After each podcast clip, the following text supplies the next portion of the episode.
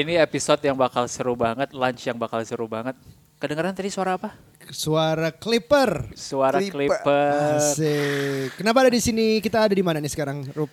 Kita ada di Nick the Barber Ship. Bareng Nick dan bareng Martin. Siapa mereka?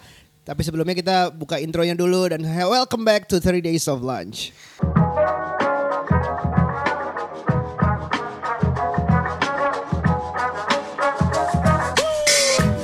You don't have balls, man. Lu even though rambut lu aja diatur sama istri lu gitu. Oh, Bener gak sih? Benar. Cowok-cowok yang well groom menghasilkan 14.000 dolar lebih.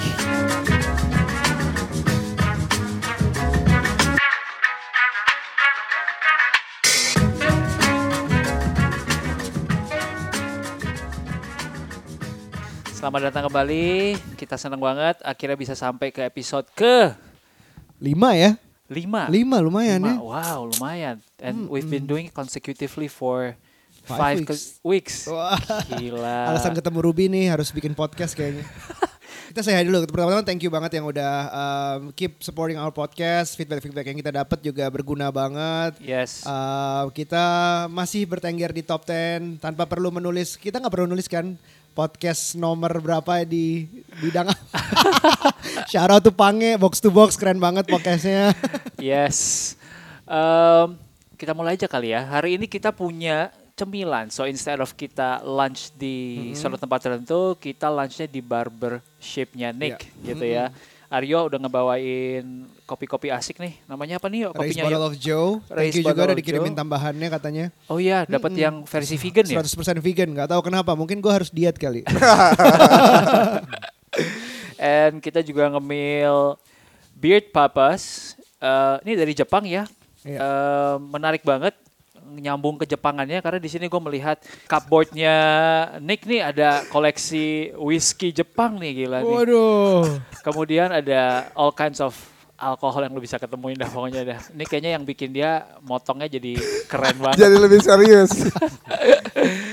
Oke, halo Martin, introduce yourself. Halo, nama gue Martin. Gue eh, adalah seorang pengusaha di bidang eh, barbershop. Asik. Eh gue nih kira Martin udah lama banget. Udah lumayan lama lah. Kita pernah bobok bareng. Oh, nggak bobo. No, no, no, no, disclaimer maksudnya kita pernah bobok di rumah yang sama. Yes. Dia pernah jadi, rum- kita pernah rumetan waktu sekolah dulu. Ya, ya. Dan memang, em, berapa tahun kita? Satu rumah satu tahun ya kira-kira ya? Lumayan. Lumayan kira-kira satu tahun ya? Satu setengah tahun. Ya, lah. namanya pelajar kita pindah-pindah lah ya. Iya, Rumah tinggal nomaden. pindah-pindah nomaden. Dan em, dulu tuh Martin itu sekolahnya desain. Iya. Benar nggak? Ada desain multimedia juga. Ada desain sama multimedia hampir sama sama gua waktu itu. Nah sekarang tiba-tiba udah muter-muter nih. Coba karirnya sejak meninggalkan sekolah tuh gimana nih Tun? Yes. Setelah meninggalkan sekolah. Ya. Oke, eh, balik ke Indonesia itu eh, bermimpi menjadi graphic designer atau web designer. Mm-mm.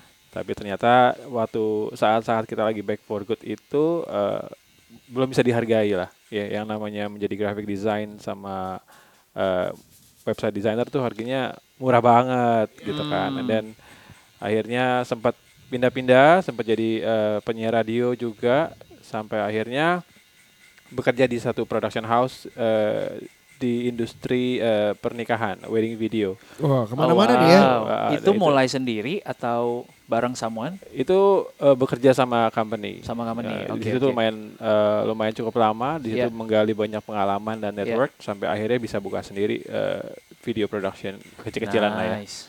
gitu. Sampai sekarang video production masih jalan? Sekarang udah enggak Mm-mm. eh, karena mau fokus di barbershop aja. Oh wow, fokus Keren. ke barbershop. Jadi yang sekarang yang Martin lakukan adalah mem- uh, punya barbershop sendiri. Namanya Namanya eh, Second Floor Barbershop. itu kalau dicari di Instagram at second floor barbershop. Iya. Pakai dua depannya ya. Dua angka dua. depannya, Dua. Dua, Dua ND. dua ND barbershop. Floor. Eh, Dua floor ND floor barbershop. barbershop. Barbershop. Oke. Nick, Yes. Nick, ini kita settingnya di sini sengaja banget nih. Kita di tempatnya Nick sambil motong actually biar dapat Yes. feel-nya gimana dipotong sama Nick dan ngobrol sama Nick. Nah, Nick, tell me about yourself. Oke, nama gue Nikasius Dirgahayu. Eh, tapi orang-orang manggil gue Nick. Eh, bentar bentar. Nama lu Dirgahayu. Yes. Damn, Nah. what a cool name. Jadi Cool name, tahun, is it? tahun Dirgahayu, Dirgahayu. gitu Nah, ya. Selamat ulang ta- tahun. tapi yang yang aneh adalah banyak orang nggak ngerti dirgayu itu artinya apa. Menurut lo apa? Gue tahu. Dirgahayu tuh kayak orang ngucapin bukan kayak merayakan ulang bukan tahun merayakan ulang tahun gitu ya. Bukan. Oh, Martin, Martin, Martin jawab. udah tahu. Panjang umur. Panjang umur, Oh, exactly. Itu panjang dari bahasa. Sanskerta gitu. Sanskerta, Dirgayu, oke. dirgayu sepanjang umur gitu. Oke, Oke, oke. lanjut. Eh, Orang-orang manggil gue Nick, eh, gue punya usaha eh, barbershop, ya namanya Nick the Barbershop. Ini usaha barbershop juga jadinya ya. Karena Yes. gue dengar lo tuh berangkat dari uh, house calls. Yes. Gimana tuh ceritanya? Jadi gue pertama kali mulai bisnis ini karena eh, ya sebenarnya ada ketertarikan gue di bidang rambut zaman gue kuliah gue suka motongin teman-teman gue di kampus gitu loh. Wow. Terus eh, kemudian sebenarnya gue sempat kerja di salah satu brand activation agency di Jakarta kayak selama satu setengah sampai dua tahunan yang sebenarnya yang bikin gue cabut itu gara-gara saat itu gue eh, pomade masuk ke Indonesia. Pomade itu hair product, mereknya Murray's salah satunya. Temen temen kantor gue beli Itu masih import masih mahal banget waktu itu kalau nggak salah. masih import ya. Iya, benar, 200 masih import. 300-an kalau nggak Nah, salah. tapi Murray's ini eh, harga jualnya saat itu sekitar eh, 110 ribu lah. Nah, gue beli suka gue dan gue orangnya tuh tipikalnya kalau misalnya suka sama sesuatu ngulik nge-google lah, cari YouTube lah segala macem. Oke, Gue oke. cari-cari informasi tentang pomade segala macem. Nyambungnya ke barbershop di luar negeri di Amerika. Dari situ gue mulai ngerasa, wah keren juga ya jadi barber ya. Pakai bajunya enak, santai, lu bisa dengerin musik, eh, waktu kerjanya fleksibel segala macem dan lu masih bisa bergaul lah istilahnya ketemu banyak orang juga. Nah tapi eh, gue nganggepnya ya udahlah ya, cuman lucu-lucuan aja gitu loh. Sampai suatu ketika gue ngejual eh, pomade gue ke teman kuliah gue, which is yang zaman dulu suka gue potongin rambutnya gitu loh. Pomade lo maksudnya Murray's tadi? apa? Muris yang tadi, ah, Oh, Muris oke, yang oke, tadi. Karena gue mikir, ah gue mau nyari sampingan deh. Sampingan yang bisa ngasih gue duit lumayan lah gitu loh. Nah si teman gue ini eh bilang bahwa gue beli pomade lu tapi ada satu syarat apaan potongin rambut gue dia bilang gitu karena rambut gue nggak cocok ketika kalau pakai pomade gitu loh oke jadi gue bilang kayak gitu mulailah gue ke pasar baru beli yang namanya alat-alat barber Asik. tapi yang sendiri. anehnya adalah gue beli alat-alat barber niat banget. Gue totally abis kayak dua setengah juta buat beli barang yang sebenarnya gue juga nggak tahu buat apa gitu kan istilahnya awalnya. Ya udah dari situ mulailah gue nyukurin teman-teman gue awal-awal mula gitu loh. Ini ini ini kapan nih? Ini eh, enam tahun yang lalu. Enam tahun yang lalu. Enam tahun wow. yang lalu. Eh, sampai akhirnya gue eh, nyukurin teman sepeda gue karena gue juga eh, bergerak di komunitas sepeda. Yang ternyata teman kantornya suka sama hasil potongan rambutnya teman gue ini. Dipanggil lah gue ke kantornya dia, which is di saat itu kantornya dia di Tempo Scan Tower. Gue kantornya dulu di Radio Dalam. Jadi gue after office gue datang ke tempatnya mereka, eh motongin rambut mereka terus pas kelar ditanyain bayar berapa gue bilang ya nggak usah lah ini gue cuma jalanin ini buat hobi doang buat seneng-seneng doang mereka udah ngasih gue makan udah ngasih gue macem-macem lah istilahnya sampai ya mungkin eh, mereka agak-agak nggak enak terus mereka bilang ya enggak lah bayar lah. Lu ke sini naik mobil perlu bensin segala macam. Ya udah deh bayar dua ribu aja. Kenapa? Karena saat itu pangkas rambut harganya pasarannya segitu. Ya. mereka mungkin agak gengsi kali ya dan mereka bilang ya kali gue bayar lu dua ribu nih lima ribu. Hari itu gue motong tiga orang gue dapat 150 ribu. Dan buat gue this is easy money banget gitu loh. Why not gue nggak nggak nggak bikin ini jadi sesuatu yang lebih dalam lagi kayak gitu Menarik ya. Ini ini alasan kita gua sama Ruby mang- uh, ngobrol sama Martin sama Nick uh, bukan cuman karena bisnis barbershop tuh lagi hits banget, bukan cuman itu doang. Tapi mereka berdua ini owner atau misalnya yang di dunia barbershop ini bener-bener kayak terjun langsung gitu. Yang Exactly. bener-bener passionate sama motong rambut orang. Hands on abis. Ini kalau berdua disuruh motong bisa nih. Kalian sering potong-potongan gitu ada? Gue motong komisi bisa. Potong komisi. Tapi kayak bener-bener um, apa ya terjun sendiri, tahu cara potong rambut. Iya, iya. uh, ta- belanja alat yang kayak gimana waktu itu gue potong ke sini juga dijelasin tentang hige, higienisnya gimana Yes, pentingnya benar. sebu- Iya. higienitas apa bahasa Indonesia apa ya? higienitas Eh, Hygiene. hygiene, kebersihan. Hygiene dari sebuah Kebersihan. kebersihan dari sebuah alat potong rambut atau barbershopnya. Hmm. Nah itu diceritain banget detail. Jadi gue bisa ngerasa passionnya ke ke dunia barber sini kuat banget. Makanya kita pengen banget ngobrol sama dua-duanya. gitu. Exactly. Dan more specifically kita akan ngomongin soal grooming. Ya kan menurut gua kenapa sih penting menurut gua ada hubungannya antara cowok-cowok zaman sekarang gitu ya. Yang juga mulai memperhatikan pentingnya grooming ini gitu ya. Ke Iya. karirnya, ke kerjaannya, ke hidupnya gitu. Iya. Eh, dan mungkin ada tips-tips sedikit ya dari teman-teman berdua. Satu satu pertanyaan kita mulai dari satu pertanyaan tadi yang gue gue shout out di stories. Ya, Banyak yang ja- juga nanya tentang potongan rambut yang cocok buat gue itu seperti apa sih walaupun kita nggak ngelihat dia seperti apa ya Iya, orangnya. betul, ya. betul, betul. Cuman misalnya ada generalnya nggak sih buat laki-laki itu kayak Yes. gimana bagusnya dia kepala kayak gimana yang bagusnya afro, Iya. yang konro, yang macam-macam Iya, iya, gitu. iya. Itu bagusnya gimana? Eh, Ya, karena gue sendiri pencarian untuk sampai ke potongan kayak gini tuh bertahun-tahun, men.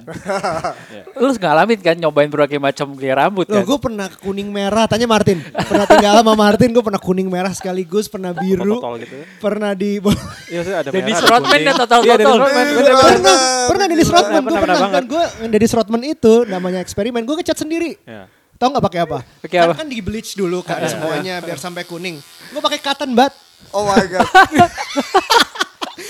Abis. itu parah banget. Mungkin masih ada fotonya kali ya kalau dikubrek-kubrek. Itu gue warnain sendiri karena gue pengen tahu aja, pengen Iya, tahu. iya, Terus iya, habis iya. itu gagal ya potong potong habis Iya, iya, gitu. iya, iya, iya. Nah, gimana? Yang cocok tuh menurut kalian gimana? Martin, tuh? Martin. Gimana cara nentuin yang cocok?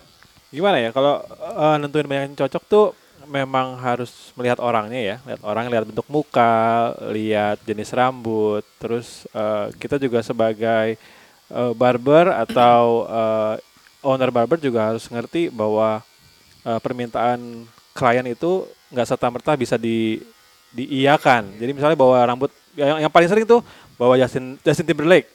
Saya mau kayak seperti ini atau David Beckham. Saya Zaman mau kayak gini. David Beckham ya juga pengen tuh. Padahal jenis rambutnya dia itu sangat-sangat berbeda atau eh, bentuk kepala eh, muka wajahnya juga beda. Jadi eh, kita nggak bisa langsung bilang semua orang harus eh, diiyakan. Jadi kita harus educate customer juga Yes. bahwa Pak atau Mas eh, kita nggak bisa bikin semirip ini, tapi kita bisa eh, ya mendekatilah karena kita jelasin bahwa Oke. bentuk muka, Oke. eh, jenis rambut beda.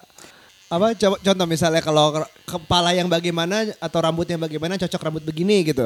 Skenario apa? Misalnya Jadi- Ruby Ruby Ruby. Jadi orang bisa self assessment gitu sambil dengerin ini. Oke, kalau misalnya eh, kepalanya bulat gitu Bulat. atau misalnya orangnya cabi, ya, Tapi ini orang nggak nyadar dia bulat. ya, Kebanyakan kayak gitu. ya kita harus bilang bahwa eh, rambutnya mungkin lebih bagus eh, kiri kanannya lebih tipis Oh, supaya nggak ditrim makin supaya makin Iya. kelihatan lebih lebar lagi Bener gitu ya. Yes, jadi kalau bagi gue kalau lu em, mukanya agak bulat, rambut lu seharusnya agak sedikit lebih kotak. Iya. Kenapa? Biarin muka lu jauh, jauh, Lebih jauh panjang. lebih panjang gitu. I see. Kalau Ah, lu eh, muka lu panjang, ya lu harusnya dibikinnya bulat. Biarin Oke. muka lu nggak terlalu kelihatan panjang. Oke, Seperti itu. Oke, jadi ini untuk cari balance gitu ya, Yes. showing the best part of you Bener. while sedikit menyembunyikan yang kurang yes, gitu. Yes. Iya. Sebenarnya satu lagi kalau gue selalu ngejelasin buat klien gue, gue selalu bilang lu harus peka sama natural rambut lu gitu loh. Iya. Ada beberapa orang yang rambutnya keriting, tapi dia nunjukin fotonya, fotonya rambutnya lurus. Kan nggak mungkin. Iya. Ketika lu pengen potongan rambut keriting, ya lu cari referensi rambutnya Iya. keriting gitu Iya. loh. Even De- even waktu di smoothing nggak akan hasilnya Iya, nggak akan sama. di- mau di smoothing, mau di segala macam ya nggak akan bisa gitu loh. Iya. Karena natural lu itu. Iya. Sekarang gimana caranya kalau gue selalu ngejelasin ke klien, be grateful dengan rambut lu. Gimana caranya kita bisa cari sesuatu yang rambutnya sesuai sama lu, tapi Yes. lu nggak perlu effort buat pakai Iya. produk, pakai Iya. apa pun. Iya. Jadi lebih natural gitu Betul. loh bagi gue sih gitu. Lo dikasih rambut itu karena emang buat jadi karakter nah, lo gitu. Bener, Iya, itu betul. jadi karakter lu kan. Makanya gue kacau banget waktu Dennis Rodman dulu itu. Karena rambut gue gak ada keribu-keribunya. Tenang, tenang. Kalau gua dan Martin mungkin ya, mungkin lebih ke gua ya. Semua pasti mengalami masa-masa cowok itu dipata, dipotong gaya FC. Gue tuh nggak pernah sih. Oh, lu gak pernah? Lu gak pernah? Mungkin gua terlalu utara berarti.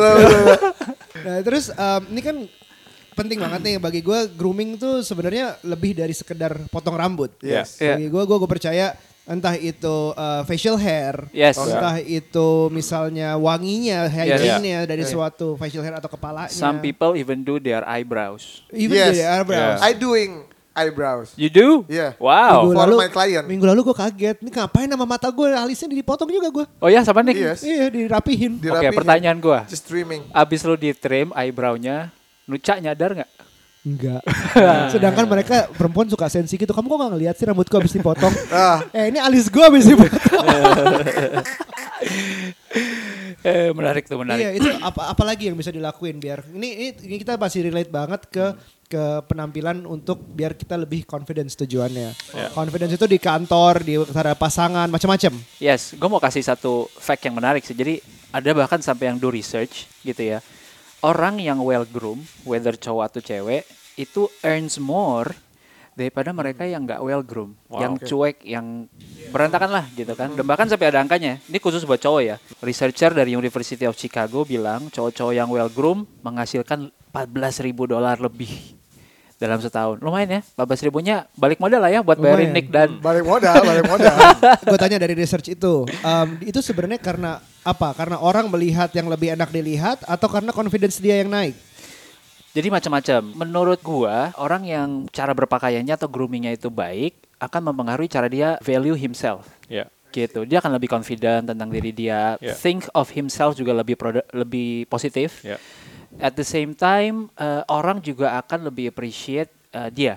Kenapa grooming ini penting buat gua? Gue pernah datang ke satu session. Ini ada image consultant, cewek namanya Jill Low di Singapura. Dan dia bikin bisnis yang memang khusus buat gue bantuin orang improve the image gitu, termasuk grooming. Dan ini di depan publik kayak ratusan orang, dia nyari empat cowok dibawa dengan empat cowok yang potongan rambut berbeda. Terus dia tanya the crowd gitu. "Eh, menurut kalian empat cowok ini, kalau gua ngajak mereka main film, kira-kira yang mana yang cocok untuk jadi accountant? Mana yang cocok jadi delivery guy? Menarik, menarik. Mana yang cocok jadi pop singer? Ah, Mana yang cocok jadi nightclub owner? Oh. Night Based on kepala dan rambut doang. And guess what? Hmm. The majority of the crowd itu menunjuk orang yang persis. Oh. Jadi kayak waktu sama-sama disuruh angkat tangan mana yang Iya, naik club owner tuh kayak semuanya kayak wow langsung orang itu gitu. Mhm. Jadi kayak grooming and rambut tuh akan mempengaruhi how people perceive you juga. I see. Gitu. If you take I care of see. yourself, orang akan lebih appreciate sih menurut gua. gitu. I Yeah. see. Ya itu builds up confidence juga sih ya. Maksudnya I put an effort di sini terus ada orang yang ternyata kayak senyum balik atau misalnya dia lagi ngomongnya lebih enak, lebih Yes. ngeliat ke muka, lebih itu Yes. otomatis kan kayak energinya resonates gitu. Yes. Dia ngeliatin kita, oh ternyata dia kayaknya lebih suka sama gua hari ini gitu ya. Doesn't have to be about you know sexual feelings tapi Yeah, lebih ke yeah. arah kayak Yeah. cuman biasa aja jadi confidence tuh bisa naik gitu. What can we do guys? I mean sekarang tuh lagi zaman banget brewok kan, brewok banget um, Yes. atau facial hair. Kalau um, ini kumisnya nih agak melintir nih, agak melintir. Melintir, tapi tangan gue gak melintir. Iya, jadi um, what what can we do? Tuh apakah itu suatu keharusan misalnya ada- ada yang zamannya tuh shave abis, Yes. gitu. Apakah ini nentuin bentuk muka juga atau gimana? yang yang yang yang lucu tau gak sih? Eh lu pernah ngeliat gak sih kayak di Instagram gitu? Zaman sekarang cewek sama cowok. Kalau zaman dulu cowok tuh nggak ada beard.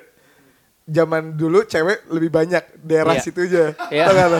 Tapi zaman sekarang itu kebalikan semua gitu. Kebalikan. Ah, jadi Oke, ini oke. zaman aja berarti. Zaman ya kalau bagi gue sih zaman aja kayak sebenarnya banyak banget itu pertanyaan nomor satu eh, klien-klien gue. Gimana caranya gue numbuhin jenggot? Jenggot. Gimana Ya, cara gue ya, numbuhin itu, facial itu ditanya hair? juga tuh di stories. Yes. Ah. Yes. Karena bagi gue eh, balik lagi sih, nggak semua orang cocok pakai itu. Iya. Satu. Iya, Jadi iya. kalau gue kalau gue ngelihatnya ya tuh rambut bisa tuh tiba-tiba tumbuh di jeng, di pipi lu, di kumis lu segala macem, ya memang itu dari sananya memang memang disesuaikan untuk itu Iya, gitu loh. oke. It's Itu udah jadi bagian part of your face aja gitu loh. Iya, iya, jadi iya. ketika ada ada beberapa orang yang ditumbuhin jenggotnya, dia maksa untuk numbuhin, tapi jadi nggak cocok. Iya. Terus buat apa gitu? iya. Bagi Oke, gue sih, bagi gue sih facial hair eh, itu balik lagi ke orangnya sendiri sih gitu loh. Gue gua boleh nambahin nggak? Karena Yes. gua satu di antara empat orang di sini tidak punya facial hair.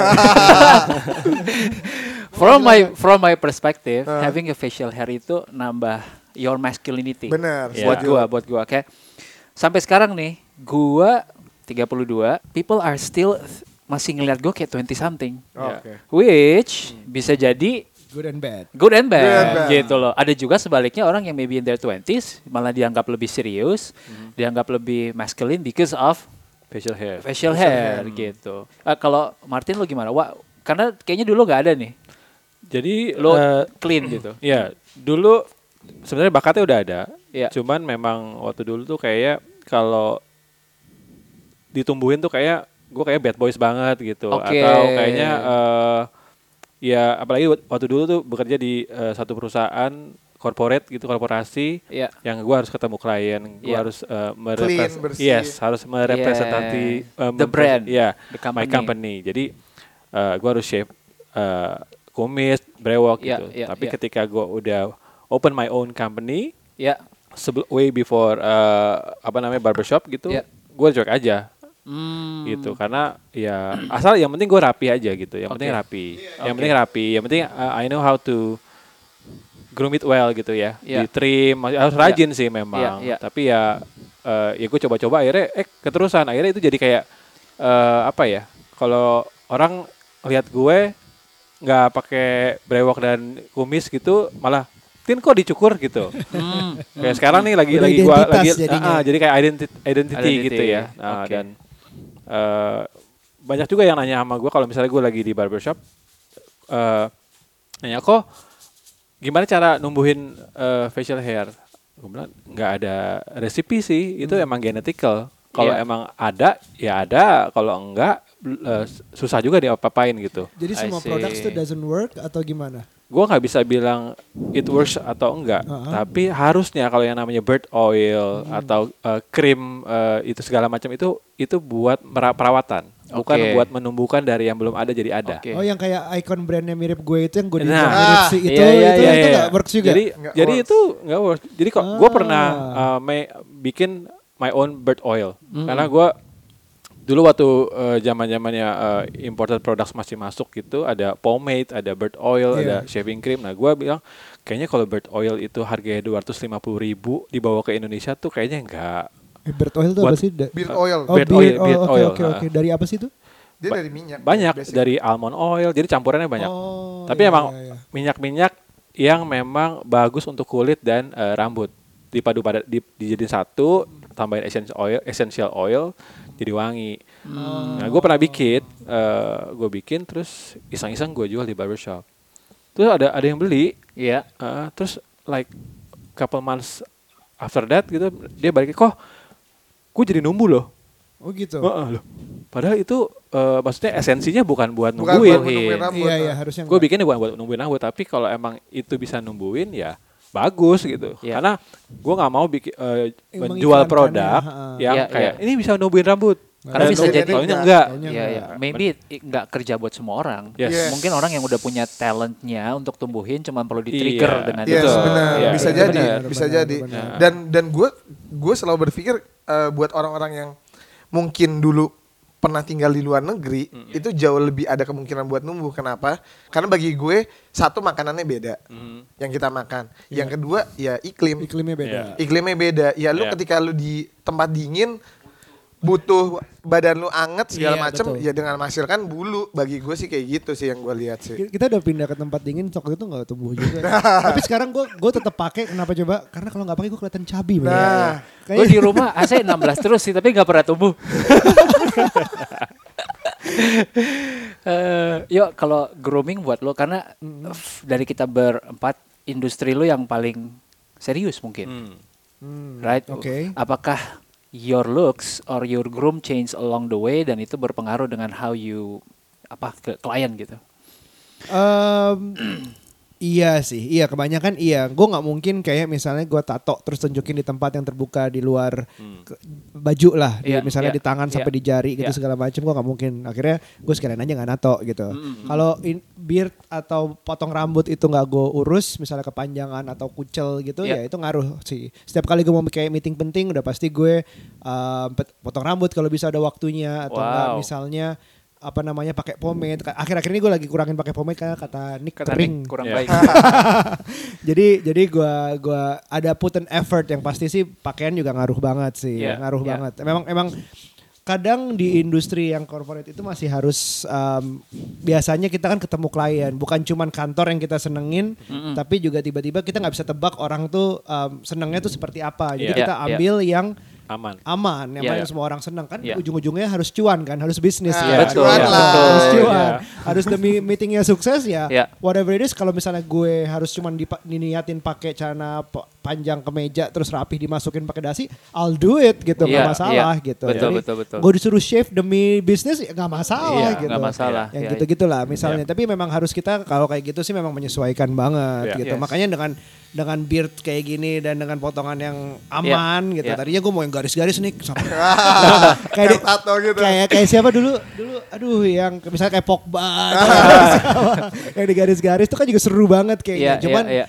Takutnya misalnya ketemu yang maunya adalah corporate terus Yes. tiba-tiba jadi ngomongin jadi dia eh, itu rambut lo kenapa atau itu Iya, iya, ragu iya. atau apa nih does it does he really serious with his Iya. business atau segala Iya. macam itu pertanyaan mempengaruhi tuh persepsi ya. Dan gitu. your clients juga kebanyakan on the generation di atas. Iya, Iya. kebanyakan. Sehingga akan susah untuk appreciate itu. betul betul oke. Tapi betul. sebaliknya kalau misalnya gua di industri kreatif, gua mau menunjukkan personality gue dengan uh, beard dan kumis kayak Nick, mungkin justru malah bikin orang, wah ini orang kreatif nih, asik nih, Bisa kayak seru jadi, nih. bisa jadi. Gitu kan? Bisa Bisa, tambah ya. ma- Mana gue selalu bilang sebenarnya gaya rambut, facial hair lu itu uh, first impression itu penting, penampilan. Lu nggak akan bisa ngelihat nih orang personalisi personalisanya kayak gimana kan. Iya. Yang lu lihat adalah looknya dulu kan. Yes. Betul. Baru lu akhirnya kenal sebenarnya kayak gitu sih. Jadi bagi gue ya grooming tuh bagi gue penting buat nunjukin Ini who- gue. who- iya. The best part of me iya, tuh gini. The best of part of you. kayak episode kita sama si Cat Womanizer mau mau kayak gimana juga mau cari pasangan tuh bukan dari bukan dari hatinya dulu langsung Iya, iya, Biasanya iya. harus Looks-nya dari dulu. luarnya dulu Yes. looksnya dulu Walaupun katanya kalau cowok emang jauh lebih ngeliatnya ke arah sana sih ya. Fisiknya dulu baru hatinya gitu kan. betul betul, betul.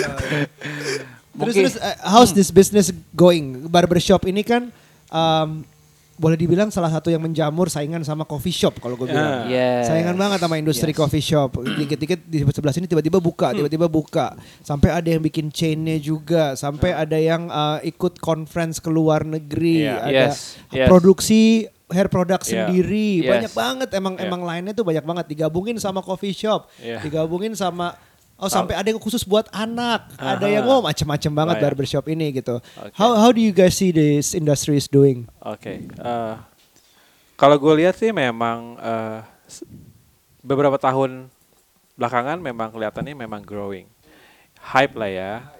Cuman eh, yang sekarang gue lagi lihat adalah jadi eh, kelebihan, berlebihan.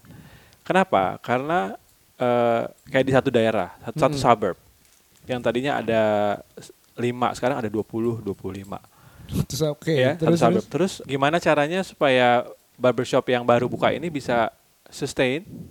Sementara di situ lo udah ada misalnya udah ada udah ada 10 yang eh, duluan terus brandnya kuat. Akhirnya itu cuma kayak mencoba mencari eh, pelanggan-pelanggan dari barbershop yang lama. Akhirnya kompetisinya akhirnya perang-perangan harga. Iya, Ya kan? Eh, itu juga yang terjadi sama coffee shop gue rasa ya. iya betul. Banyak yang buka akhirnya banyak yang tutup. Karena cuma ngikutin tren Mm-mm. it's a good business asal lo bisa benar-benar ngerti dan tahu bahwa it's all about service. Jangan cuma lihat karena trennya doang. Hmm. Jangan cuma lihat wah nih lagi tren bakal gampang cuannya nih. Hmm. Ketika gue menjalani itu dan sekarang masih survive, gue ada untung gue nggak buka cabang banyak-banyak. Betul. Atau gue nggak kayak membabi buta gitu. Iya iya iya. Eh, karena memang is a very tricky business ya Nick ya. Yes. Ya maksudnya eh, Nick juga sebenarnya punya potensi untuk buka barbershop sendiri dengan berapa kursi, tapi dia milih untuk enggak dulu. Iya. Mungkin dia punya alasan sendiri. Gue juga maksudnya ngeliatnya gitu. Memang kayaknya oh hype di mana-mana buka di mana yang di mana-mana buka itu belum tentu eh, Profitable at the end. profitable gitu kan. Oke. Kalau lo punya duit banyak sebagai eh, pemodal, Hmm. lo mau buka banyak, oke gitu. Hmm. Tapi kalau sekarang tiba-tiba buka, oh di sini udah ada lima. Kayak di sini tadi gue lihat ada lagi.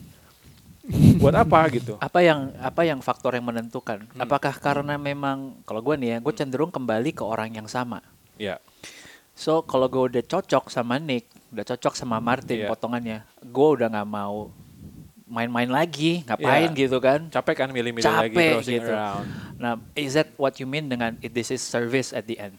Iya, eh, pada akhirnya kan adalah kalau laki-laki biasanya kalau udah cocok sama satu, Ya.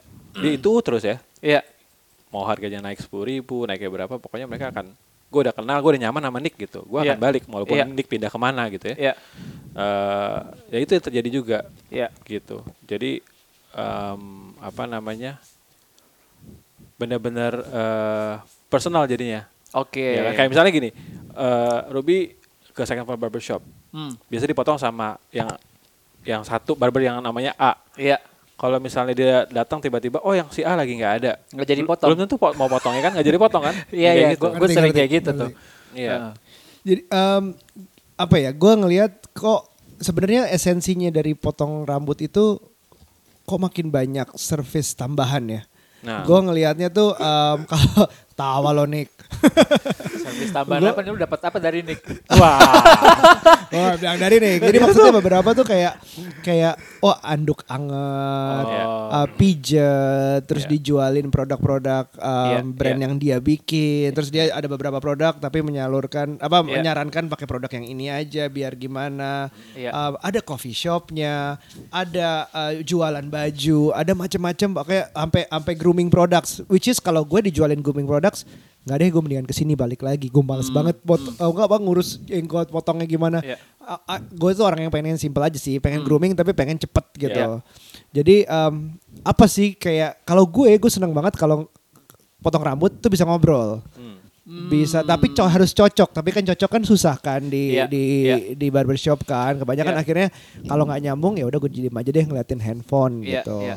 tapi kalau ngobrol enak kayaknya penting kayaknya potongannya itu ya misalnya 0 sampai 10 nilainya 8 udah cukup nggak? Sampai kayak harus 10 yang penting ngobrolnya enak dan gue dikasih pengetahuan gue dikasih uh, ilmu main- main-main ngobrol-ngobrol ketawa-tawa gitu segala macam kayak nggak tahu apa gue apa gue nonton kebanyakan nonton barbershop di luar yang kayaknya datang ke barbers itu sebenarnya bukan buat potong rambut kayak rapihin Iya, iya. dikit-dikit doang Iya. sisanya buat kongko It's part of your social life. It's part of your social life Iya, daripada iya, ke iya. bar mungkin ke ke barbershop gitu loh. Ya Iya, itu iya. i- i- ini sebenarnya is all about the culture sih. Iya. Ya makanya banyak-banyak eh, barbershop sekarang yang kalau gue lihat mereka nggak ngerti culture barbershop itu dari mana sebenarnya. Mereka cuman just ngelihat wah barbershop ini keren dan gue bisa punya dananya dan bikin aja gitu loh. Mereka nggak ngerti kalau misal istilahnya gini, kalau lu ke sebuah daerah baru, paling bener lu nanya sesuatu itu i- either itu ke coffee shop, either Atau itu ke ke barber, atau enggak either itu ke bar bagi gue. Kenapa? Karena orang yang jadi bartender, orang yang jadi barista, orang yang jadi barber know everything Ya. about the Bagus. hood.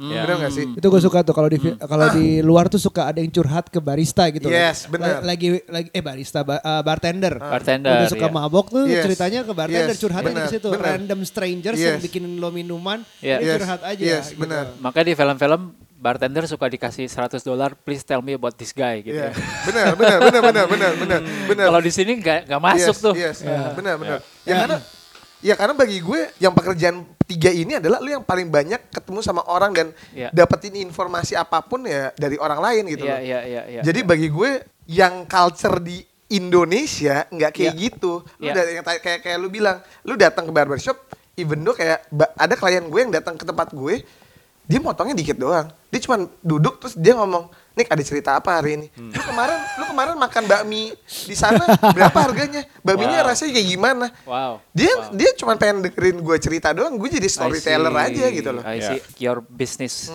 model itu appointment only, satu orang at the time, dan lu nggak scale, nggak Iya. nggak punya tim. Hah? Uh, apa sih di belakang pemikiran itu gitu? Nah, ya kalau ngomongin dari nama barbership Ya. itu pertama karena gue delivery kan, jadi Ya. shipment. I see. Oke, yang kedua adalah relationship. Dan yang ketiga adalah brothership. Jadi gue ngebangun itu semua dari kata ship itu gitu loh. Iya. Jadi gue pengen ngebangun relationship sama klien gue gitu loh. Bukan cuman gue ya. cuman butuh cuannya dia dia bayar gue. That's Iya, it gitu loh. iya. Tapi gue emang gue kenal dia siapa, kerjaan dia siapa. Karena bagi gue khususnya di Jakarta gitu banyak orang stres yang nggak tahu di mana ngebuang sampahnya dia gitu loh. Hmm. Lu bisa ngomong sama stranger ya tapi belum tentu intimate kan. Ketika Ya, lu duduk di betul. kursi gue cuman berdua sama gue ketika lu udah deket lu pasti akan cerita apa pun tentang diri lu tentang Iya, masa lo- lalu gitu Lo nggak cerita lo dibeler nih pak. kayak gitu sih bagi gue Wow, jadi Ya. sama Nick itu sekalian terapi ya. Yes. Terapi, terapi, konseling, konseling. Konseling konseling Jadi Konseling. itu juga waktu uh, awal-awal gue buka barbershop tuh gue punya tagline di barbershop gue, we cut your hair, not your story. I see. Jadi maksudnya tuh Bagus. gue potong rambut lu, tapi kalau lu mau ngobrol, gue nggak akan cut your story Iya, iya, gitu. iya, iya. Karena memang basicnya adalah sama kayak yang Nick bilang, lu di barbershop lu bisa ngobrol, lu bisa cu- just come in and baca koran, enjoying the surrounding, lihat- maksudnya nikmatin suasananya, atmosfernya dan ngobrol. Makanya gue sangat senang ketika gue datang ke barbershop gue, gue nggak bisa potong by the way, tapi uh, I wish gue bisa potong kayak Nick, jadi gue bisa ngobrol banyak Iya, sama iya, customer iya, gue, iya, tapi dengan gue tidak potong, tapi gue ada di barbershop gue tuh, gue bisa ngobrol sama pelanggan. I see. Mereka waktu lagi nunggu I atau see. mereka after after mereka uh, haircut, gue bisa Iya. ngobrol sama mereka dan gue banyak banget ketemu teman-teman baru, Iya, gue ketemu sama uh, network network baru di Iya. barbershop di itu. barbershop. bahkan even lu kayak klien gue misalnya lu nih terus nextnya ada gue suruh masuk tiba-tiba akhirnya kenalan Iya. Jadi teman. bareng, Jadi- malah jadi- jadi teman Jadi connect ya. jadi I connect see. gitu kan Klien lo berikutnya siapa? Orang dokter dokter Nah, Kak, Tin, lo berarti kan punya tim ya, tim barbers Iya, ya. uh-uh. Iya. Ini ada pertanyaan banyak muncul justru dari Ah. dari stories gua. Pertanyaannya ada ada tiga atau empat nanya hal yang sama. Kenapa sih Hmm. barbers itu kebanyakan dari Garut Iya, dan dari Jawa Jawa, Barat. Barat, sekitarnya gitu. Iya, Kenapa coba? Nah, kalau ditanya kenapa, mungkin itu heritage dari eh, kampung halamannya mereka masing. Jadi sampai sekarang pun dari eh, barber-barber yang dari Garut tuh terus mencetak regenerasi. Ada sekolah khusus di di Garut tuh ada sekolah khusus, ada ada tiga sekolah yang namanya terkenal dan mereka terus mencetak. Walaupun ternyata yang belajar di situ tuh dari banyak daerah, nggak cuma dari Oke. Garut aja. I see. Jadi itu- ada sekolah khusus. Ada khusus Ada. eh, pangkas rambut ya. Jadi gue tahu Wow. sih memang ya gue ceritain uh, bahwa memang ini ini memang turun temurun, memang Turun-temurun harus ya. tahu harus dilakuin. At least, nah kalau kamu misalnya mau ke Jakarta, at least kamu udah punya skill Iya. minimal potong rambut. Betul, Gitu. iya, betul. Yang yang gue akuin banyak banget yang bagus sebenarnya, ya. banyak Iya. banget yang Iya. potongannya udah cepet banget, udah tahu. Tapi Ah, yang gue tapinya adalah gue belum mendapatkan kemampuan ngobrol yang gue Yes. cari. Kalau gue ya, Hmm, iya. kalau gue orang lain tuh mungkin tap- social skillsnya yang mungkin Iya. dalam sekolahnya itu harusnya ditambahin Iya. mata pelajaran. iya. Jadi kalau Nick kan dari Jakarta dan Nick udah benar-benar melihat culture yang di luar negeri ya. Kalau nah, kalau gue memang timnya memang berasal dari daerah. Nah, itu sebenarnya challenge buat gue adalah how- eh, gimana untuk menanamkan value itu ke mereka. Gimana how to change their mindset bahwa kalau bisa lo punya nilai jual di, eh, di samping skill lo itu adalah waktu lo untuk ngobrol. Oke. Eh, betul. Terus kalau misalnya gue lagi eh, evaluasi gitu, beberapa sih memang eh, mereka udah eh, apa namanya menerapkannya ya, tapi susah bos. Kadang-kadang kalau saya tanya apa kabar aja, jawabnya customernya mungkin lagi lagi nggak pengen ngobrol. Oke. Ya, i- tapi at least gue udah udah kasih tahu ke mereka bahwa eh lo ajak ngobrol itu jadi nilai jual loh. Iya, Betul. iya, iya. Betul. Kadang-kadang motongnya cuman iya, kadang-kadang gini yang lucu tuh adalah rambutnya bapak-bapak rambutnya botak kayak cuma satu ukuran satu doang gitu nih. Bisa balik cuman buat duduk sebentar terus eh, ya udah nikmatin eh, suasana barbershop terus Iya. ngobrol sama barbernya Iya. udah. Berarti di tempatnya dia jadi sanctuary. Betul. Pelari. Oh iya, for some people For ya. some people. Ah. walaupun ada juga yang emang untuk datang dan langsung pergi juga ada. Iya, Ah. iya, iya, iya, iya. Interesting ya. Iya, iya, Jadi itu iya. sebenarnya tantangan buat uh, all the barbershop owners Ya. untuk ya uh, timnya itu diedukasi. Oke, oke. Timnya itu di apa uh, diberi uh, apa ya pembaruan pikiran gitu Ya, bahwa lu tuh punya akses, lu punya uh, apa namanya punya kesempatan untuk mengenal customer lu lebih jauh Oke. daripada cuma sekedar potong rambut dan pergi. Jadi itu jangan jadi pabrik doang gitu. Iya, iya, Iya iya, kan? iya, iya, iya. Ntar gue gak bisa ngomong. Lagi di shape. Gue sih ngerasanya kayak barbers itu one of the most intimate um, Iya. profession. Iya. Megang kepala, mempercayakan Iya. hasilnya seperti Mm-mm, apa, terus pegang pisau di dekat leher segala Iya, macam iya. itu itu ah, i- trustnya harus dibangunnya Yes, kuat betul, banget gitu. benar. Di saat itu harusnya kita kayak kayak ngasih kepercayaan ya ngobrol tuh harusnya udah masuk gitu Iya. ya bawahnya mungkin ada yang level intimate-nya ada taksi pun supir taksi Iya. udah kalau tinggal berdua kan Iya. lo nggak ada pilihan lain untuk Iya. ngobrol kan kayaknya enak banget ngobrol di taksi dan Hmm. juga ngobrol di barbershop gitu sih menurut gue. Barbershop. Iya, benar. Yang ngomongin soal intimacy itu gue jadi ingat satu barber di film. Hmm. Tapi ini yang horor. Oh, gitu ya. Sweeney Oh, Todd. gini Todd. Iya, iya, iya. Speaking of that, ada nggak sih pengalaman yang kayak tadi kan kita ngomongin customer yang memang positif ya. Mm-mm. Uh, people yang menurut kalian, wah harusnya customer tuh bisa behave lebih baik, nggak harus sampai kayak gitu. eh apa ya? Bisa dibilang yang paling gue nggak suka sama customer satu, karena mereka nggak ngerti tentang eh, how to appreciate my works. Hmm. Hmm, oke. Satu, karena eh, gue kerja hitungannya hour. Lu bayar waktu gue, bukan cuman bukan cuman bayar Expertise. eh, expertise gue, haircut gue gitu loh. Iya. Jadi ya yang namanya di bidang jasa, eh, client is the king. Mm-mm. Yes. Tapi eh ra- jadi raja itu nggak boleh telat sebenarnya. jadi raja itu seharusnya on time. Nah, the my big problem is the client always late.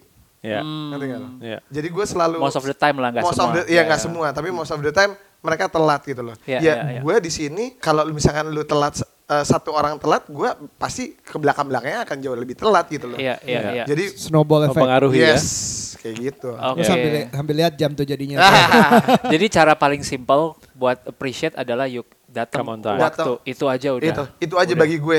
Lu lu istilahnya bagi gue tip is Nomor bukan sekian bukan lah. the big deal lah. Iya, iya. Lu datang, lu tepat waktu bagi gue itu udah Udah appreciate udah banget. appreciate sama gue. Karena Oke, ya oke. kerja gue by by hour gitu loh. Iya, kan iya. gue by appointment only gitu loh. Iya. Jadi kalau lu telat ya gue yang pusing karena gue Iya. harus buru-buru. Yes, nanti Keti- malah efek hasilnya. Yes, Iya, gue nggak maksimal karena bagi gue ketika gue nyukur rambut orang, Iya. gue pengen semaksimal mungkin gitu loh. Iya, karena iya, iya. ketika lu cabut dari tempat gue, you are my advertising Iya. buat ngasih tahu ke orang bahwa bahwa potongan rambut gue Iya. kayak Betul, gimana. betul. Pasti Iya, ditanya, iya, lu iya. potong rambut di mana di Nick? Iya. Oh, potong rambutnya Nick jelek segala macam. Iya, iya. Itu tiba-tiba gara-gara dia telat datang. Jadi gue nggak Iya. terlalu maksimal segala Buru-buru. macam. Iya. Kayak gitu sih bagi gue. Uh, Iya. Martin ada Ya. addition on that? Ya sama sih. Iya, Eh, telatnya klien tuh mempengaruhi semuanya. Iya iya, gua Uh-huh. gua tapi tadi tersentil sedikit waktu Nick bilang soal uh, orang yang menjadi word of mouth kita gitu kan. Iya. Uh, gua tertarik dengan how Nick create the brand and how you create the brand. Apakah itu sesuatu yang dipikirin di awal dan Ya. kalau iya gimana cara mikirnya sampai lo dapet nama itu, konsep itu? Ya. Boleh cerita nggak? Tadinya tuh gue ada beberapa nama, cuman Iya. akhirnya gue mikir yang simpel aja deh gitu ya. Jadi Iya. waktu itu kita buka di satu tempat yang eh, kecil di di atas sebuah bengkel audio di daerah Kelapa Gading dan gue mikir yang yang gampang aja deh lantai dua gitu, lantai dua, lantai dua gitu. Ya udah second floor barbershop gitu. Brandingnya adalah karena tinggalnya tuh di neighborhood ya. Iya. dan I realize di saat itu tuh bahwa memang barbershop itu idealnya adalah melayani neighborhood. Jadi kalau ada yang visitor dari Jakarta Selatan itu buat gue bonus. Dulu malah zamannya baru buka tuh banyak anak kelapa gading tuh biasa potong di salon biasanya. Hmm. Jadi ketika dia masuk ke second floor barbershop tuh gue harus edukasi. Bedanya apa sih salon sama barbershop? Iya, Terus iya. apa? eh, ya kayak segala macam deh. Jadi kayaknya part of the branding adalah gue berani mengedukasi pelanggan-pelanggan baru. Iya iya. Education itu, kayaknya kejadian banget di tempatnya Nick ya. Lo ada ini gak sih nih kayak misal ini kalau orang pertama pasti gue harus ceritain ini nih. Yes, yes. Gitu. Apa tuh? Eh, yang pertama adalah gue ngelihat natural partnya dia. Oke. Jadi ada beberapa orang yang natural partnya nggak harus di samping sini, tapi dia pengen di samping situ. Oke. Yang tadi gue bilang, kalau misalkan lu nggak ngikutin natural part lu, berarti lu punya effort buat pakai yang namanya hair product. Yes. Nah, sedangkan dia nggak suka pakai hair product, Iya. ya ya nggak bisa gitu loh. Gue pasti selalu ngajarin bahwa ketika lu pakai eh, nggak ngikutin natural part lu, berarti lu lebih effort. Hmm. Yang kedua adalah cowok yang namanya mau pergi bangun tidur telat simple dia mau langsung cabut gitu kan Bisa. bener gak? Gimana Eh. caranya? Lu cabut pun lu belum mandi istilahnya, Iya. rambut lu tetap oke gitu loh. Itu yang pasti yang gua eh, eh, ajarin dulu. Gua ngelihat kepalanya dibentuknya kayak gimana, terus natural partnya kayak gimana, rambutnya Iya. jenisnya kayak Iya. gimana, terus rambut sebelum gue potong tuh bentuknya kayak gimana segala macam gue ngejelasin dari awal kenapa karena biar dia ngerti Hmm. how to-nya yang kedua adalah gue kasih lihat bahwa gue tuh kalau motong rambut orang gue nggak pernah ngebasain rambut. Karena ketika lu ngebasain rambut lu bisa manipulate rambut Hmm. rambut bisa nge-string juga karena Iya. dibasain lu bisa narik panjang pas lu potong jebret pas pendek. kering jadi pendek Iya iya iya iya. nah iya, gue iya. selalu bikin rambut tuh dalam keadaan kering kenapa motong biarin dia ngerti pas rambutnya dia nggak pakai produk apa pun Iya. rambutnya Ya tetap stay kayak gini. Gue sering tuh dulu zaman potong di salah satu yang di Prapanca tuh yang zaman dulu sebelum barber shop ini hits. Dia tuh em, kalau baju dari dia dulu tuh ada motong apa 347 yang clipper 34 sama Iya, iya, tangannya iya, ada ada maletnya gitu. Formula- Ada- formulanya. Tahu kan? Nah, itu setiap pulang dari sana ya keren nih rambut gue. Tapi begitu udah sampai rumah, udah selesai kita sendiri, kok nggak kayak kemarin dan gue nggak pernah bisa bikin kayak kemarin Iya, lagi. iya, itu iya, kayaknya iya, ya lama-lama gue capek sih kayak kayak apalagi pernah pakai di apa namanya dicatok, di apa. Sampai kayak Wow. dicatok itu Wow. ya sampai rumah juga udah Ya udah lu keramas hilang udah. udah keramas hilang ya. Mungkin perempuan bisa ya bini gue kayak tiap dua hari sekali dia panggil blow atau kayak gimana lah ke salon. Ya bisa tapi cowok kan males ya. Kalau gue sih males ya. Jadi. Um, terus ada pertanyaan lagi nih kalau misalnya barbershop atau barbers itu ada kalau musik mungkin ada genre ya. Iya. Kalau ini tuh ada religion, ada genre atau ada timnya nggak iya, sih? ada iya, ada nggak sih? Apa aja sih kiblatnya, aliran atau apalah? Nih, nih, eh, sorry, gue nambahin lagi. Hmm. Satu hal yang gue ajarin adalah yang yang terakhir adalah how to styling your hair. Yes. Yang tadi gue bilang, Aryo cabut dia nggak ngerti, Iya. karena dia nggak diajarin how Iya. to styling his hair. Iya. Iya. Nah, gue di sini gue ngajarin gimana cara nge-styling. Oke. Gue punya klien yang nggak pernah pakai hair dryer, sampai akhirnya dia pakai hair dryer istrinya, sampai akhirnya dia beli hair dryer sendiri. Iya. Iya. Wow. Saking saking bener-bener ah, ngerti tentang rambutnya dia Gue Iya, males, sendiri. gue males tuh. Kayak gitu. Oke, oke. nah, menarik. religion, aliran dari Aliran, mana? aliran. Coba. Ali- aliran. Kalau bagi gue aliran barber itu ada dua. New wave barbershop and then classic barbershop. Be, udah kayak kopi Be. nih. New wave dan klasik. Terus, terus, terus. Ada new wave terus terus. Ini bisa dilihat dari cara mereka motong rambut. Dan yang kedua adalah model model rambut apa yang dipotong sama mereka. Kalau uh, classic barbershop, the, the real classic barbershop itu yang lu ke barbershop, even though cewek nggak boleh masuk ke barbershop. They Oh have ya? the reason for Apa that. itu? Ya ada. Pertama adalah nggak ada cowok yang rambutnya bagus ketika pas lagi dipotong setengah. Oh, nggak mau dilihat. Ketika ada cewek datang, Hmm. ya ceweknya siapa pun itu, ya lu, pasti kelihatan jelek dong. Lu kan nggak pengen kelihatan jelek. Oh, I see. Oke, oke. Yang kedua, we talk about woman in the barbershop. Ah, ya ya itu kan? klasik ya. Yes. Dan yang ketiga, barber itu nggak pengen yang namanya diganggu gugat soal profesi profesionalismenya. Iya. Ada kan beberapa eh, istilahnya lu duduk gitu, terus kayak sayang rambut aku udah bagus gak? Habis itu istrinya datang terus, Mas, ini kayaknya bagian sini kurang. Ah, itu kesel Mas bagian sini kan kesel. Iya, iya, iya, iya. Yang kedua, ketika lu ngelakuin itu, Ya. barber bisa jadi nganggep apa? You don't have balls, man. Lu even though rambut lu aja diatur sama istri lu gitu loh. Oh, Bener gak sih? Benar, benar, benar, Bener benar, gak sih? benar, You benar. don't have balls gitu loh. Jadi makanya that's why the classic barbershop itu cewek nggak boleh masuk. Oke. Karena ya either barbershop is man sanctuary. Ya. Iya, betul. Ya tempat cowok-cowok berkumpul dan bergosip gitu. dibilang. Harusnya, harusnya Kayak gitu. Harusnya. Kalau di new wave barbershop itu jauh lebih lebih Fleksibel. fleksibel lah. I see. Kalau kalau lu nonton si Ice Cube bikin The Barbershop uh, Oh, movie, tahu, they tahu. have Sampingnya the salon. station salon sama barbershop gitu. Jadi the new wave itu lebih uh, cewek bisa masuk segala macam bla bla bla. Tapi kalau misalnya lu lihat jangan pernah bawa cewek lu gebetan lu ke barbershop. Karena bisa diambil sama orang lain sebenarnya. Nah. Salah satunya adalah itu sebenarnya. Oh, gitu. Mau new wave mau mau new wave mau tradisi apa klasik Iya, iya, iya, iya. jangan bring Gua your, suka nih, your, your, suka apa nih. your woman Oke, to oke. the barbershop. What do you think Martin? Mungkin ada aliran lain selain Garut. Oh, nah kalau gue kalau dia lihatnya dari situ, kalau gue lihatnya dari ada yang uh, Western culture barbershop style ya, Iya. ada yang Indonesian. Yes. Indonesian atau Asian? Eh, Indonesian ya. Indonesian, Karena oke. gini, kalau Asian itu gini, eh, perbedaannya ada gampang sih. Mm-mm. Kalau Indonesian biasanya ada pijit. Ah, itu Oke. Indonesian. Ya, Itu oke. Indonesian ya? Maksudnya Iya, eh, maksudnya India juga ada, tapi Ah. maksudnya kalau Indo- di Indonesia tuh identikalnya adalah kalau barbershop itu ada pijit. Hmm. Yes. Nah, karena berangkatnya dari pangkas. I Iya, see. Pangkas itu salah satu servisnya adalah pijit Pijit. Gitu. Oh, iya iya kalau kalau di kota tua apa di mana gitu Iya, yang ada malah korek pecinan kuping, gitu. ya Ah, kan? Nah, jadi macam-macam. Iya, Kayak di eh, link, apa yang di kota itu uh, Iya, di kota kota. barbershop. Gua pernah, barbershop, pernah, gua itu pernah. Pakai itu gue penasaran banget, pengen banget Uh-uh. nyobain di korek kuping. Wah enak banget rasanya. Gitu. Kalau di Vietnam beda lagi. Iya. Oh, ya kan? Jadi maksudnya Oh, pijetnya beda. Eh, yang mijit beda. Yang minjet beda. Kebanyakan cewek. Nah, itu kan. Jadi kalau di Indonesia menurutku alirannya ada yang memang western, Yap. lihatnya ke ke ibaratnya ke barat kayak Nick. Mm-mm. Kalau ada juga yang banyak juga masih yang benar-benar Indonesia. Dalam Indonesia. artian gini, eh sebenarnya kalau gue mau di, kayak dis- discuss sama Nick, pernah kita ada ada discussion har- harus nggak sih ada pijit, Ya. Ya. ya kan? ya. Kalau Nick bilang nggak harus, Hmm. which is buat gue juga nggak apa-apa. Ya, Tapi ya. kalau gue nanya sama my team, eh, kenapa harus pijit? Hmm. Gitu, kenapa harus ada? Ya. Ya mereka bilang ya itu udah turun temurun pak, Ya. itu udah heritage pak, kayak itu udah kayak emang eh, bagian dari service. Ya. Oke. Ah, iya, iya, Sebenarnya iya. kalau dihilangkan juga lu nggak jadi lebih eh, lu jadi nggak lebih capek kan Iya. tapi mereka Iya. nggak mau karena itu kayak salah satu treatment eh, service tambahan dari mereka juga sih iya ya bahwa ya.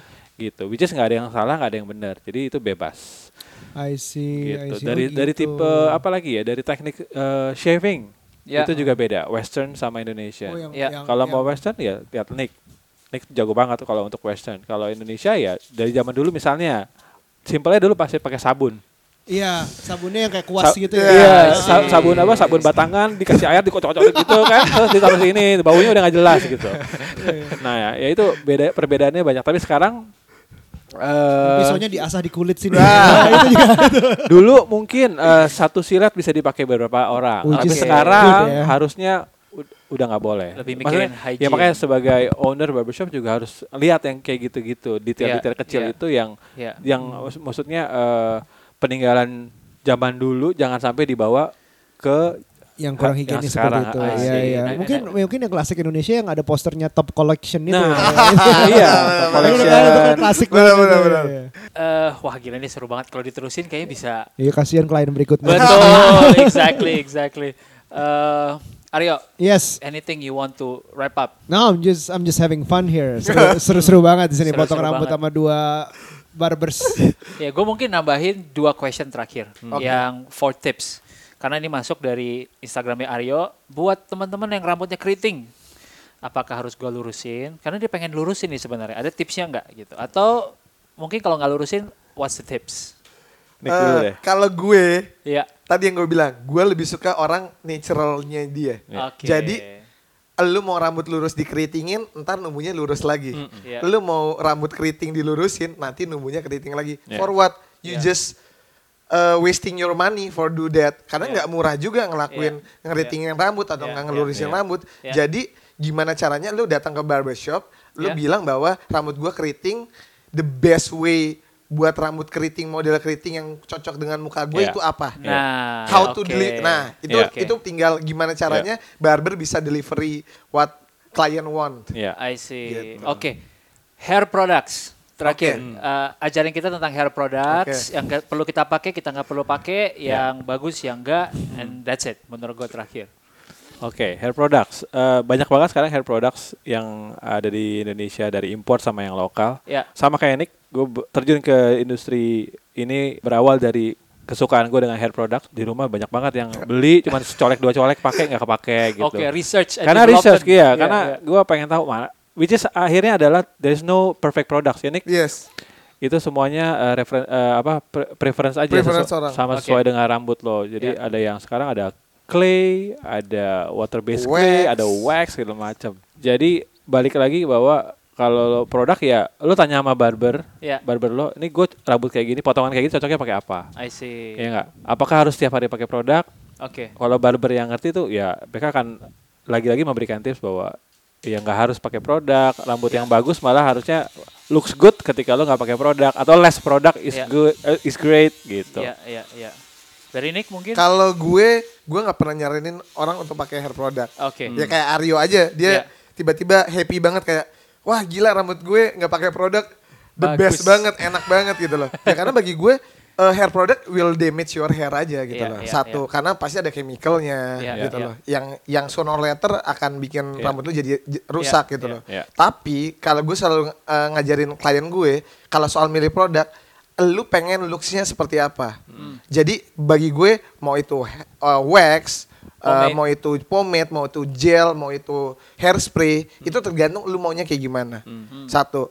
Karena kalau misalnya lu mau rambut lu kering dan lu nggak suka megang-megang rambut, pakailah wax. Ya. Kalau lu pengen rambutnya looks eh, basah dan lu nggak suka megang-megang rambut, pakailah gel. Hmm. Nah, yang keren adalah yang sekarang ada pomade dan eh, clay. Iya. Ini guna i- istilahnya inovasinya lah. Iya. Karena Iya. ketika lu misalkan mau mengkilap, lu bisa pakai si oil base-nya pomade atau enggak water base-nya pomade yang shine. Ya. Dan lu masih bisa nyisir rambut lu. Hmm.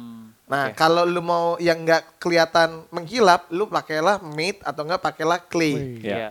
Lo masih bisa. Lu tetap masih bisa nyisir rambut lo Iya. kayak gitu. Oke. Tapi kalau lu pakai hairspray, kalau bagi gue hairspray the most Damaging. dangerous, damaging. Ya, karena Apalagi nggak boleh ada yang ngerokok sekitar situ ya. ada gambar, gambar dong. Apa ya? Gitu. Tapi ini- kalau kalau kalau hairspray cuma buat satu orang sih, ibu-ibu sasak tinggi aja. Iya, Ibu pakai Sakti. itu. betul, betul, betul, betul.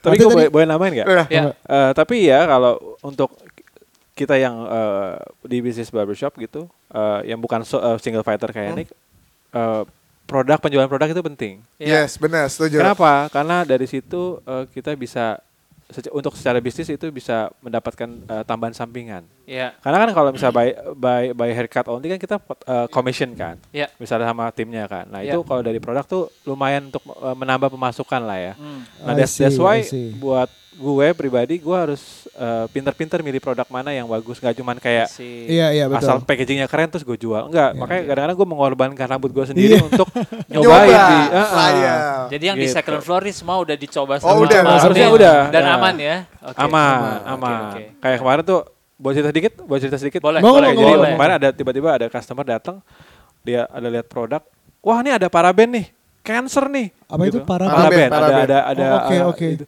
Gue bilang tapi itu BP POM. Heeh. nggak mungkin kalau BP POM ngeluarin tuh uh, dangerous kan. Iya, iya. Iya. Enggak, tapi kalau di Amerika tuh uh, paraben tuh udah nggak bagus, itu mengakibatkan kanker. Iya. Gue iyain aja kan. Iya. Iya iya. Terus mereka ketika customernya keluar gitu, udah gue search Google dong, paraben Iya. apa benar segitu Hmm. uh, mom- Dangerous ya. momoknya. Iya, iya, iya. Dia bilang kalau dari di Indonesia kalau memang itu dari BP POM Iya. keluarin produk itu udah oke, hmm. berarti itu uh, pemakaiannya itu masih dalam taraf normal. I Oh. see. Jadi nggak masalah. Kalau Di Amerika pun di FD, ya. FDA juga gitu. Jadi Iya. memang ada batasan eh, maksimum untuk pemakaian di kosmetik, which is Ah. oke gitu. I see. Jadi ya Oke. eh, buat buat kita yang memang punya usaha barbershop untuk menjual produk ya eh, bagusnya sih eh, lihat-lihat juga gitu. Kalau memang produknya itu BP POM, Ya. eh, ya berarti memang itu aman. aman. Harusnya Walaupun nggak ya. semuanya bagus dari Ah, ah, Betul, yang betul, betul. situ. Tapi maksudnya pilih-pilih yang bijak juga gitu. I Iya, iya, see, iya. I see. Alright, alright. It's it's seru banget ya hari ini ya. Kita dapat ilmu banyak banget tentang grooming, Yes, tentang yes. barbershop dan industrinya. Yes, Dan yes. kita harus terima kasih sama Nick. Uh, bisa cek Instagramnya at Nick underscore the barbership bukan Yes. shop. Yes. Terus ada Martin di at 2ND second floor, 2ND floor Atau Martin Ford. atau Martin Ford at di Instagramnya juga bisa dicek mereka cobain potong yang di daerah utara cocok banget kayaknya dan yang di daerah selatan uh utara sama selatan nih. Aduh. Aduh, aduh, aduh. utara sama selatan bisa dicek lagi dan kita mau thank you banget sama sponsor pertama kita yang udah mendukung dan percaya sama podcast ini yaitu Yes. Excel Home. Excel, Excel Home, Home. ini adalah sesuatu yang bikin internet lo cepet banget yaitu 300 megabit per second di apa dengan harga 300 ribu rupiah aja men dengan www.lebihpau.com dan itu dapat bonus Android top set box gitu jadi lo Wow. dapat kayak Wow. Android TV-nya gini nih kayak Wow, lo wow, ini nih. wow. Top box Tinggal- itu Murah basically buat nonton gitu ya? Iya, jadi Wow. jadi istilahnya kalau ya tinggal masalah deployment aja. Udah I di daerah lo apa belum lo hubungin aja cek di lebihpau.com itu Iya, iya, iya, gitu. iya. Itu asik sih. Gua pun eh, masih pakai XL sekarang buat kerja mobile, Hmm. gitu ya. Eh, dia punya mo- MiFi itu, gitu gue bawa ke mana-mana. So it's Siap. it's pretty pretty good. Nah itu wireless dan ini adalah fiber optic. I see. Wow. Oh ini fiber optic. Bedanya itu deploymentnya Alright, fiber optic I gitu. Oke Rup, any last words? Eh, buat gue eh, last words-nya adalah mungkin gue tutup dengan cerita dari gue. Oke. Oke. There was a time yang gue harus looks very good karena gue mengisi posisi sales. Gue menemukan, gue dulu tuh rambutnya begini, ponian job. Poler. Pohon Gua lempar. Poner. gue merasa kayaknya there is something yang kurang asik gitu. Dan dan gue nggak sengaja ketemu si Jillo tadi itu di satu event dan diajarin dan semenjak itu sampai sekarang gue selalu kasih lihat jidat gue. Hmm. Iya, dengan adanya poni itu katanya ada yang bilang bahwa um, confidence-nya beda ya, level of confidence. Exactly betul. Dan yang kedua praktikal juga gitu. Kayak lu every once in a while kalau lagi ngobrol sama klien, lu benerin poni lu terus begini-begini tuh lama-lama jadi annoying man.